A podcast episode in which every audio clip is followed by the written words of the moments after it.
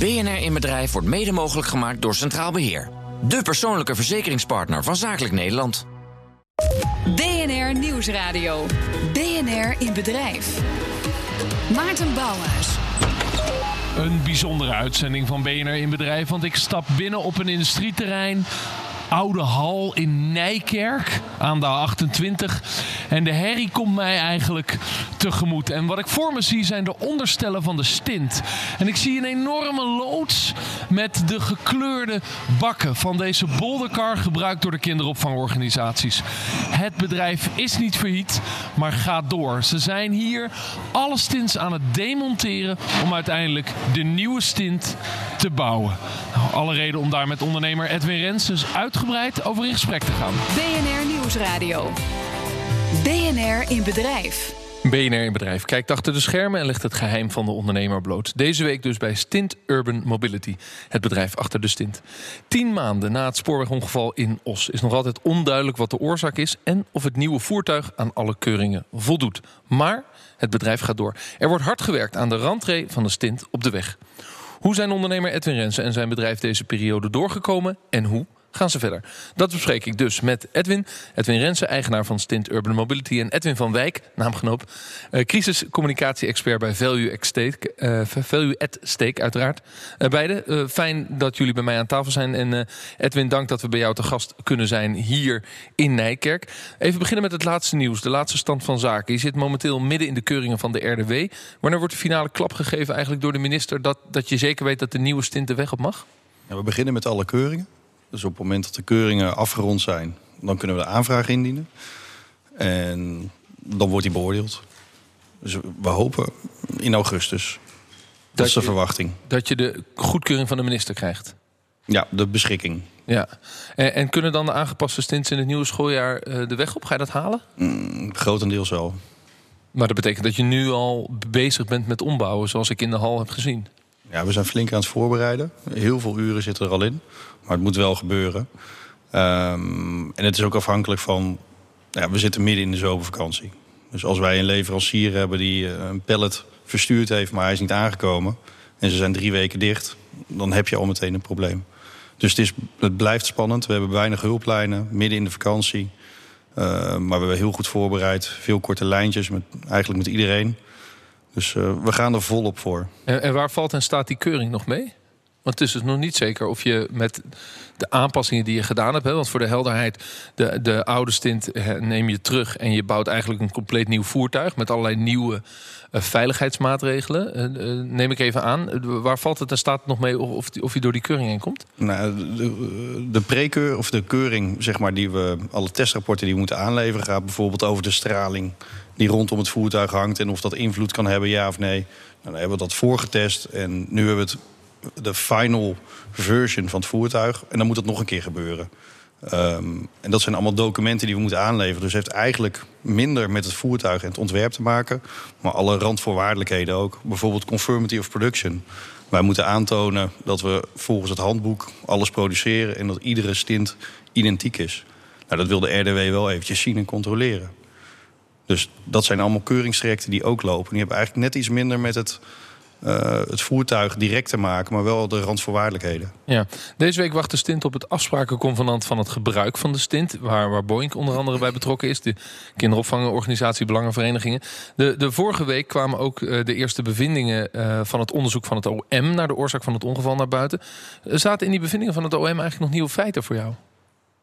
Nee, volgens mij was de voortgangsrapportage. Uh, dus uh, het OM heeft een voortgangsreportage gegeven en heeft in ieder geval gezegd: we zijn nog niet klaar met onderzoeken. Ja, het onderzoek gaat toch een tijdje duren. Er is meer tijd voor nodig. Dat is wat ik eruit las. En ik denk dat er, zolang het onderzoek loopt, dat je daar ook niet. Uh, ja, dan moet je als gewoon aannemen dat het loopt. Ja. In hoeverre heeft dat onderzoek wat het OM doet naar het ongeval. nog invloed op de goedkeuring van de nieuwe stint? Dat traject wat je net beschrijft met de RDW en uiteindelijk de goedkeuring van de minister. Ja, er zal altijd een, eh, een krachtenveld in zijn, denk ik. Maar niet direct. Kun je dat krachtenveld zelf uh, vastpakken? Heb je, daar, heb je daar enige grip op? Mm, nee, want OM is echt een, een, een onderzoek. Uh, dat ligt op een heel ander vlak. Dus het op een, op een juridisch vlak. Dit gaat over toelating van een voertuig. Maar het resoneert natuurlijk wel. Ja, het is allebei des overheid. Hoewel we natuurlijk een trias politica hebben, gelukkig. Maar eh, je zegt het zal wel een krachtenveld hebben. Dus je, je hebt wel een gevoel dat er een invloed ligt. Of dat het een met het ander te maken heeft. Dat de minister zou kunnen wachten tot het OM nog verder is met haar goedkeuring. Nee, nog duidelijker. Vorige week zou er een, uh, een bericht komen vanuit het ministerie of vanuit de minister. Maar omdat er een bericht uit OM kwam, is er toch gezegd: laten we het even bekijken. Even kijken of dit invloed heeft op het geheel. Dus alles moet wel met voorzichtigheid betracht worden. Ja, nu is onderdeel van dat OM uh, ook geweest dat ze jouw bedrijfsplan bijvoorbeeld hebben, hebben onderzocht. Hoe heb je dat nou ervaren afgelopen jaar? Dat, dat, dan, dat er zo'n onderzoek gedaan wordt na dat dramatische ongeval in Os. En, en dat het nog steeds loopt. Dat, dat het zoveel tijd ook kost. Terwijl jij door wil met je bedrijf. Ja, maar doorgaan met het bedrijf staat los van het onderzoek. Um, als je het relativeert. Uh, het OM doet grondig onderzoek. En dat lijkt me ook heel verstandig. Ja, precies. Um, we zijn bijna tien maanden verder. Het uh, voertuig mag dus hopelijk na de zomer uh, de weg weer op. Maar ik ga ook heel graag nog even kort terug met je naar september vorig jaar. 20 september, de dag van het, uh, van het ongeluk. Niet lang na dat ongeluk kwam ook het besluit van de minister... om jouw voertuig vervolgens te verbieden. Hoe vind je nou dat politie en overheid gehandeld heeft op dat moment? Een enorme snelheid die, die we toen zagen, wat iedereen zich kan herinneren. En dat er uiteindelijk een direct verbod is? Mm, ja, dat was natuurlijk wel, wel schrikken. Er gebeurt een ongeluk. Uh, je gaat met z'n allen kijken, hey, wat is er aan de hand? Hoe kunnen we iedereen juist informeren? Uh, het was nog helemaal niet uh, ter sprake dat het voertuig van de weg gehaald zou worden. En dan zie je op een gegeven moment toch mensen in de media verschijnen. Er komen heel veel meningen naar buiten waarvan je denkt... hé, hey, ik mis de feitelijkheden hier. En nou, dat, dat heeft wel een boost gegeven. Dus uh, dat was even schrikken, maar ik denk dat het er gewoon bij hoort. En moet je je voorstellen, er is iets vreselijks gebeurd. Uh, het komt ronduit in de media. Het wordt op politiek niveau zelfs besproken. Uh, daar hoort ook een reactie bij. Het is heel vervelend. En op dat moment. Maar kon je, dat, misschien kon je, anders, kon je die, die, die analyse die je nu geeft, kon je die toen al maken? Of, of is, dat, is dat achteraf? Dat je denkt, ja, ik begrijp wel dat de minister dat toen zo heeft moeten doen? Dat had ik vrij snel al. Want de minister is natuurlijk niet degene die de informatie heeft. Die krijgt haar informatie vanuit andere bronnen. Een ministerie, een IOT, een RDW. Dat zijn alle hulplijnen. En op het moment dat daar het gevoel is... dit zit niet goed of er is iets aan de hand... ook al kunnen we het niet plaatsen... dan heeft de minister de ruimte om te schorsen. Je bent in 2011 begonnen met de stint. Heb je nou ooit van tevoren gedacht dat dit zou kunnen gebeuren? Nou, dit was juist wat we wilden voorkomen. En, ja, je wilt natuurlijk voorkomen dat je voertuig van de weg wordt gehaald. Maar je wilde dat ongeluk voorkomen, toch? Nee, ongelukken rondom scholen. Ja. Uh, het gebruik van voertuigen rondom scholen. Het, uh, het gebruik van taxibusjes rondom scholen. In, in dusdanige mate dat het verkeer gewoon compleet vaststaat. Dat is de reden dat je, dat je met dit voertuig bent gekomen. Omdat ja. het op de stoep kan. Het, uh, hè, en die kinderen kunnen dus eigenlijk veel veiliger van school naar BSO of, of kinderdagverblijf. Uh, tegelijkertijd, heb je nou in die, in die jaren ooit die analyse gemaakt... dat er ook een ernstig ongeluk met jouw voertuig zou kunnen gebeuren? Ik ben erop geattendeerd door de verzekeraar. Die heeft gezegd, ja, dit zijn zoveel kilometers. We zitten boven de 10 miljoen. Uh, hou er rekening mee dat er een keer een ongeluk zou kunnen had gebeuren. Je daar, had je daar een crisisplan voor klaar liggen? Nee. Nee, maar dit wat, wat hier gebeurt is, is zo bijzonder uh, onwaarschijnlijk en, en, en zo buiten, buiten alles wat je maar zou... Ja, je kan je voorstellen dat er misschien een keer een aanrijding is met een auto. Of dat er een blikschade is. Ja. Dat zie je ook wel in de verzekeringscijfers. Dat monitoren. Maar, maar, hier had je, had je je niet op voorbereid. Edwin van Wijk, nee. je staat bedrijven bij in, in crisis. Je hebt zelf ook diensten aangeboden in Edwin, vlak na dat ongeluk. Uh, uh, push jij bedrijven eigenlijk om extreme risicoanalyses te maken... en zich daar dan ook op voor te bereiden? Nee, ik push bedrijven nooit. Um, ik adviseer ze wel. Um, vaak is het verstandig om, uh, om, om, om uh, plannen te hebben liggen voor het geval dat er iets gebeurt wat je uh, niet hoopt dat het gebeurt. Dus we doen regelmatig crisisvoorbereiding, crisissimulaties. ja, maar ik kan me in dit geval, ik grijp lekker dicht in de microfoon, Edwin. Mm -hmm. Ik kan me in dit geval voorstellen dat je Uh, juist omdat je zoveel kilometers gaat maken met een stint, dat je nadenkt over wat, wat zou mij nou gebeuren als er een dodelijk ongeluk plaatsvindt? Of is, is dat te extreem gedacht? Moet je dat soort extreme risicoanalyses niet maken als ondernemer? Ja, ik kan me dat voorstellen dat je als producent van, sorry, van, van een, een voertuig dat in het verkeer uh, op deelneemt, dat, dat je daar voorbereid bent op allerlei technische mankementen, technische storingen die zouden kunnen plaatsvinden en productaansprakelijkheid. Ik denk dat dit product, uh, zoals we het nu zien, uh, heel goed in elkaar zat en zit. En nog, nog beter in elkaar komt te zitten als het straks klaar is. Maar um, je zult dan denk ik eerder als BSO, als koper van het product, moeten zeggen: oké, als iemand een menselijke fout maakt, wat gaan wij dan doen? Ehm, dus de producent die moet zijn product gewoon goed, goed kennen en, en, en, en veilig maken. En als dat zo is, dan ja, dan, dan, dan kan hij denk ik daar niet heel veel meer aan doen. Met al jouw ervaring in crisiscommunicatie... En, uh, ben je verrast geweest dat het zo snel ging, uh, zeker in die, in die media-hype... en dat de minister het toen verboden heeft? Niet verrast. Het is een, een, een logische reflex. Het is een, misschien een soort van ja, paniekreactie zelfs geweest. Als je terugleest nu met, met de, uh, de kennis van nu... en terugleest in alle stukken die verschenen zijn... dan bekruipt mij het gevoel dat er een beetje de paniek is toegeslagen... bij uh, instanties die daar verantwoordelijk voor waren. Uh, en dat er bij de minister dus ook direct besluit om, ja, vrijwel direct besluit om het voertuig van de weg te halen, uh, snap ik ook. Want politiek is het moeilijk te verkopen om naar ouders toe uh, te zeggen, nou gaat u maar rustig verder met deze, met deze bakfiets. Ja, dat is de vraag, Edwin, want ik heb me namelijk afgevraagd, ja, als mijn Volkswagen Polo een ongeluk krijgt, dan gaan we ook niet direct die auto verbieden. Nee, klopt. Maar op het moment dat een Tesla tegen een boom rijdt, dan is het een Tesla. Op het moment dat er een Mercedes tegen een boom rijdt, is het een auto. Ja, maar mijn Tesla wordt niet verboden als ik tegen de boom rijd. Er is nee, alleen maar... veel meer nieuwsgaring. Precies. Dus dan komt het uitgebreider in het nieuws. Uh, dus ja, ik kan er een mening over hebben, maar het, het, is gewoon zo. Het is gebeurd. De producent van de stint gaat verder. Maar hoe gaat Edwin dat doen? Straks praten we daarover verder bij BNR in Bedrijf. BNR in Bedrijf wordt mede mogelijk gemaakt door Centraal Beheer. De persoonlijke verzekeringspartner van Zakelijk Nederland. BNR Nieuwsradio. BNR in Bedrijf. Mijn naam is Maarten Bouwers, welkom terug. We staan deze uitzending van BNR in Bedrijf bij Stint Urban Mobility, het bedrijf achter de Stint. En ik sta in een grote loods in Nijkerk waar hard wordt gebouwd uh, om te zorgen dat de stints worden omgebouwd zodat ze de weg weer op kunnen. Aan tafel staan Edwin Rensen, eigenaar van Stint Urban Mobility en Edwin van Wijk, crisiscommunicatie-expert. Uh, ja, zoals gezegd, 3000 uh, voertuigen moeten worden teruggehaald en worden vernieuwd, want het bedrijf uh, gaat door. Is er eigenlijk een moment geweest waarin je daar voor het eerst in geloofde, Edwin, dat je door kon? Goeie vraag. Um, ja, meerdere momenten. Kijk, op het moment dat je failliet gaat en toch niet. En je ziet toch een hele wereld om je heen opstaan. Die zeggen, ja, we vinden het zonde als je gaat. Um, dan geeft dat wel een goed gevoel. Want dat is wat er gebeurd is. Hè? Ik vertelde een vriend van mij dat ik hier deze uitzending ging maken. En het eerste wat hij zei is, maar die is toch failliet? En dat is niet gebeurd, maar je hebt wel faillissement aangevraagd.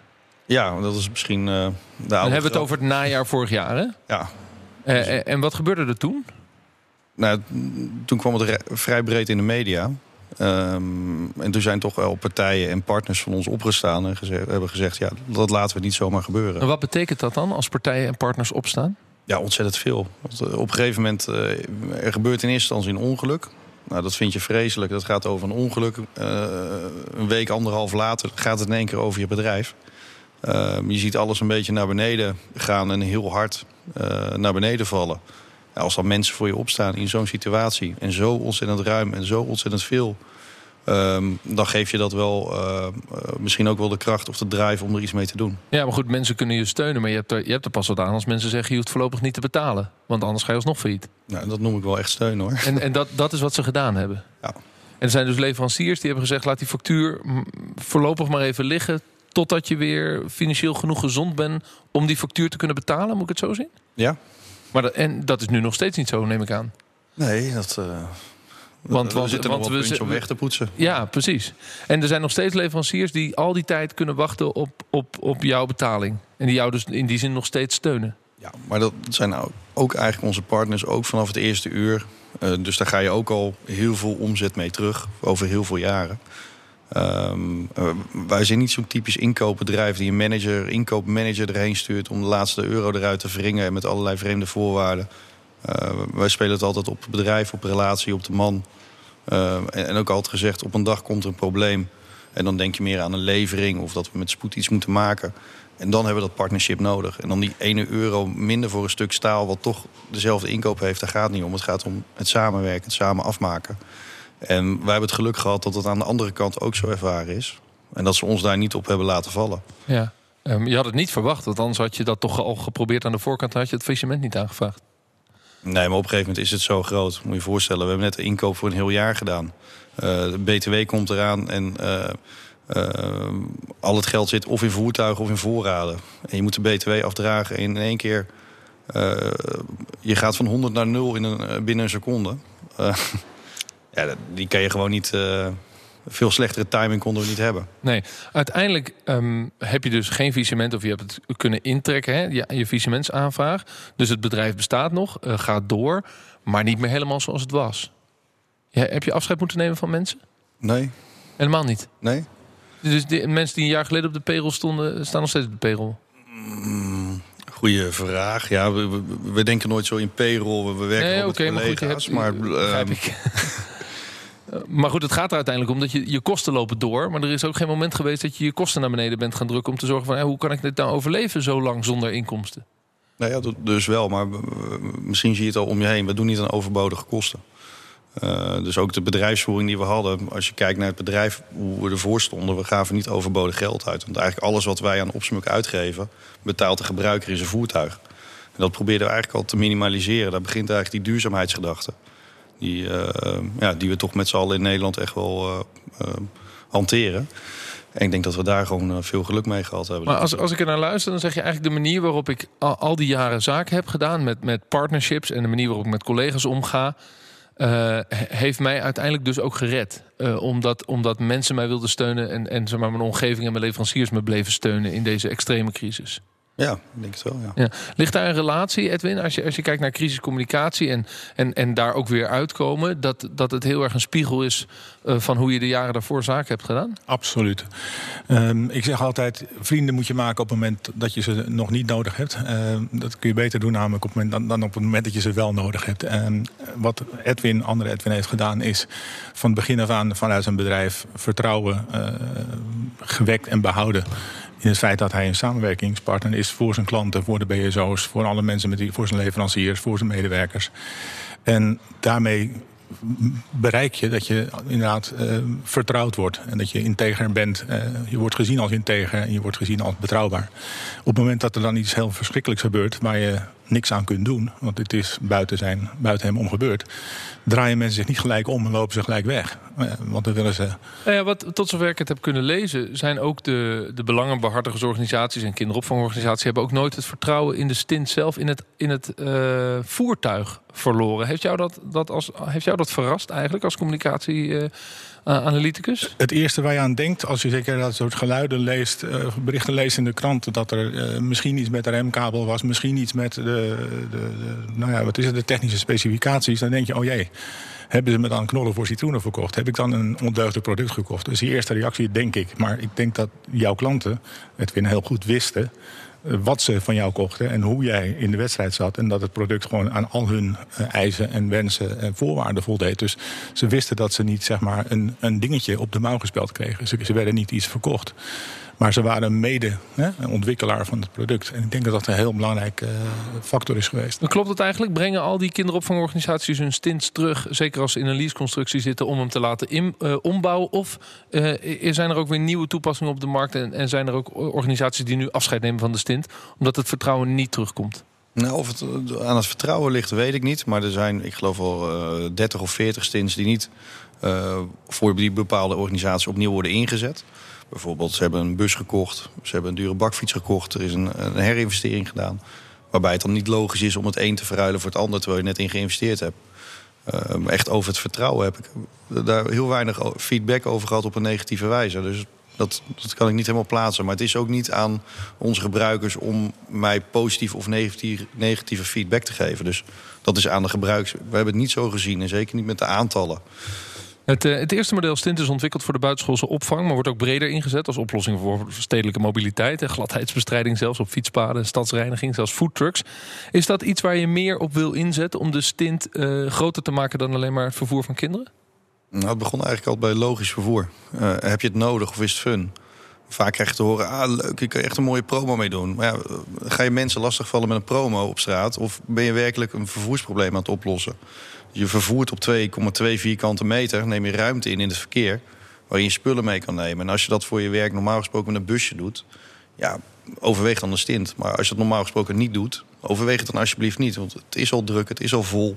Dus het moet wel een toegevoegde waarde hebben. Het, is niet, het gaat niet over verkopen. Ja, maar goed, jij moet wel een ander type stintbak ontwikkelen... als je het gaat gebruiken voor post of voor, zout, uh, voor, voor, uh, voor gladheidsbestrijding met zout. Ja, en voor die gladheidsbestrijding was voorheen werd er een auto gebruikt. Nou, als je dat kan vervangen voor, voor, een, voor een stint, super.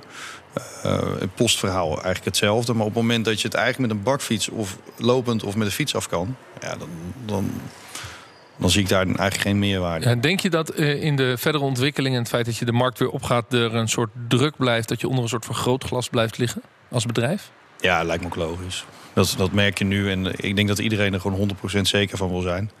Um, je zou het bijna omgekeerd uit kunnen leggen. Ik denk dat wij misschien wel een van de best gecontroleerde bedrijven zijn die. Uh, Ga je zelf de stints ook beter monitoren? Krijgen ze sensoren en, en, en, en uitlezen van software om, om beter te monitoren hoe ze zich gedragen op de weg? Ja, we zetten er een blackbox in, zodat eigenlijk alles. Uh, uh, iedere stint krijgt een blackbox. We kunnen alles zien. Dus niet wie erop rijdt. Maar wel wat het voertuig doet, wat voor G-krachten die te verwerken krijgt, of er bepaalde trillingen zijn die afwijken zodat we ook veel gerichter advies kunnen geven. En het veel beter in de gaten kunnen houden. Uh, en waar het OM nu mee worstelt, is dat ze eigenlijk zeggen: we kunnen het niet goed achterhalen. Dan met zo'n blackbox die meteen en opslaat op de harde schijf en het signaal verstuurt uh, uh, naar de cloud. Uh, kan dat in de toekomst wel? Ja, dan kan je ja. gewoon zien wat er gebeurd is. Ja. Nog even terug naar de dag van het ongeluk. Want toen stond je op Schiphol om naar Litouwen te gaan. Je draaide om en je zei: ik, ik moet naar Os. Uh, maar je stond daar om een internationale stap te gaan zetten met het bedrijf. Ik kan me voorstellen dat dat toen eventjes in de ijskast is gezet. Ja. ja. Uh, ga je die contacten weer aanboren? Ja, die, die, die zijn er gewoon. Uh, niet alleen Litouwen, ook, ook Duitsland, Zwitserland, Oostenrijk, Engeland. Daar waren we natuurlijk al jaren mee bezig. dat is niet in één keer weg, maar in eerste instantie kinderopvang, BSO, Nederland en alle Nederlandse gebruikers. En op het moment dat we die stap gehad hebben, dan kunnen we weer naar buiten toe. Je hebt eerder tegen mij gezegd dat je in Nederland de naam niet wil veranderen. Die vraag krijg je natuurlijk ook vaak. Heb je daar niet de intentie om de naam te veranderen? Uh, zou dat voor het buitenland toch niet een goed idee zijn? Omdat als het buitenland gebruikers gaan googlen... dan is dat ongeluk wat ze tegenkomen... en de hele media-episode daarna, hoe dat in Nederland gedraaid is... met het vertrouwen in jouw bedrijf, ja, die lezen ze niet. Nee, ik denk dat, dat op dit moment is dat ook zo. We hebben de website uh, triple.com. De triple is een ander voertuig wat we hebben. En dan hebben we ook een triple voor. Uh, dat is eigenlijk een stint pick-up. Uh, en zo brengen we dat ook in het buitenland. Omdat het, het is dus je gaat het label triple in het buitenland gebruiken? En ja. de naam stint gaan we in het buitenland niet tegenkomen? En triple had al een grotere naam in het buitenland. En, en dan ga je zorgen dat ook de, de bakfietsen voor de kinderen... Eh, die gewoon op, dat zijn gewoon stints. Maar er komt een ander plaatje op en dat heet dan triple. Nee, nee, nee, nee dat blijft gewoon stint. Oh ja, dat... In Nederland blijft het gewoon stint. Ja. En misschien wordt het in het buitenland ook wel stint. Maar onder die naam triple doen we al best veel bij, bij grote partijen. Dus waarom daar niet op aansluiten? Ja. Dankjewel. Dankjewel Edwin Rensen, dankjewel Edwin van Wijk. Ondernemer Edwin Rens, die zijn bedrijf de afgelopen periode uh, is doorgekomen. Uh, en op een bijzondere manier, belangrijkste conclusie... de leveranciers, de partners, de vrienden, zoals Edwin van Wijk het zegt... die hij gemaakt heeft toen het goed ging met het bedrijf... hebben hem geholpen om uh, daar te komen waar hij nu staat. En voor Edwin hopelijk krijgt hij snel ook de goedkeuring van de RDW en de minister... om te zorgen dat, dat het ombouwen door kan gaan... en de stints weer naar hun eigen eigenaren toe kunnen... en we die dan in het najaar mogelijk ook weer op de weg zien met de kinderen erin. Dankjewel Edwin Rensen, eigenaar van Stint Urban Mobility. En Edwin van Wijk, crisiscommunicatie, expert bij Value at Stake. Wil je meer horen van Edwin, hoe hij persoonlijk het afgelopen jaar ervaren heeft? Luister dan naar de podcast BNR in bedrijf at Home. Edwin heeft mij thuis ontvangen om nog een keer zijn persoonlijke verhaal te vertellen. Je vindt de podcast op bnr.nl of gewoon op je eigen podcast-app. De volgende aflevering, dan start onze zomerserie. Zes weken lang hoor je de mooiste gesprekken uit de podcastserie BNR in Bedrijf at Home. Die persoonlijke gesprekken dus bij de mensen thuis aan tafel. Onder meer dus met Edwin. Bedankt voor het luisteren. Tot volgende week. Dag. BNR in Bedrijf wordt mede mogelijk gemaakt door Centraal Beheer. De persoonlijke verzekeringspartner van Zakelijk Nederland.